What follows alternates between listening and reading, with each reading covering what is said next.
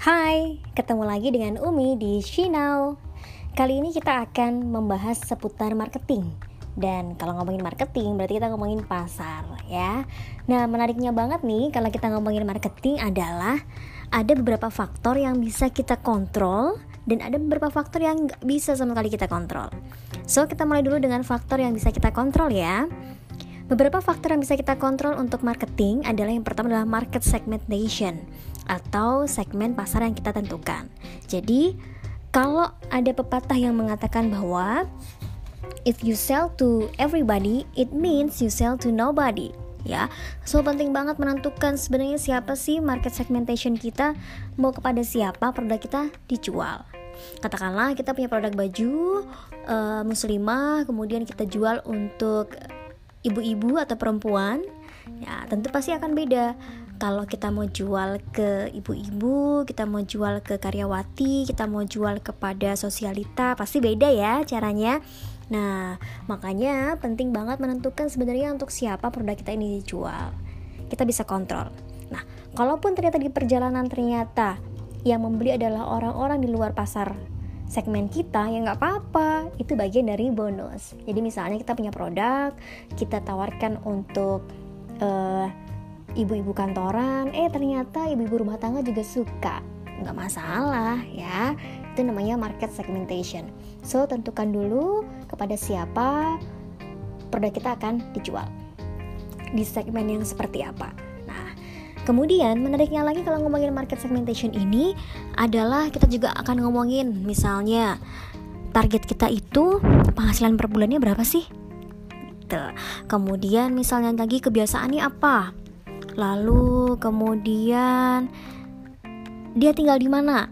Gitu ya. Lalu uh, dia spend uang untuk belanjanya itu berapa? Nah, itu bisa jadi salah satu dari beberapa faktor yang bisa kita cek dari market segmentation. Yang kedua adalah budget. Nah, penting banget nih. Kalau kita ngomongin marketing, kita ngomongin pemasaran, kan kita pasti ngomongin kita mau pasang ini atau penawaran ini atau iklan ini di mana. Kemudian kita mau bikin promosi seperti apa. Tentunya itu tidak uh, tidak gratis ya. Artinya kita mengeluarkan sejumlah dana.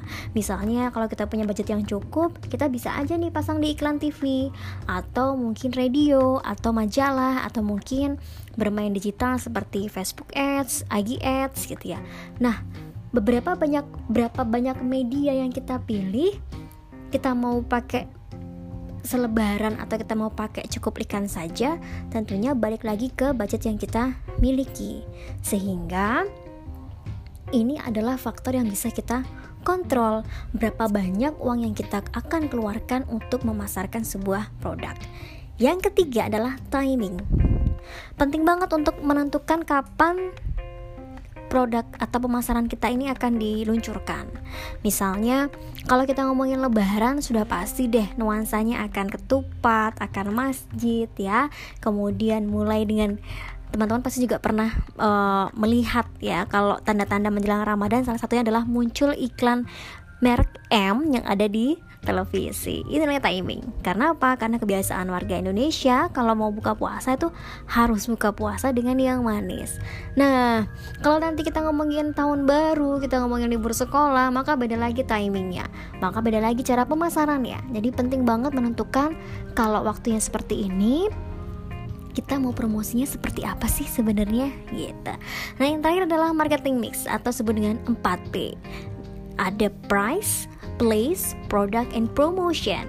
Nah, untuk 4P ini kita akan bahas di podcast yang terpisah ya. So, itu dulu untuk variabel yang bisa dikontrol. Next, kita akan bahas tentang variabel yang tidak dapat dikontrol.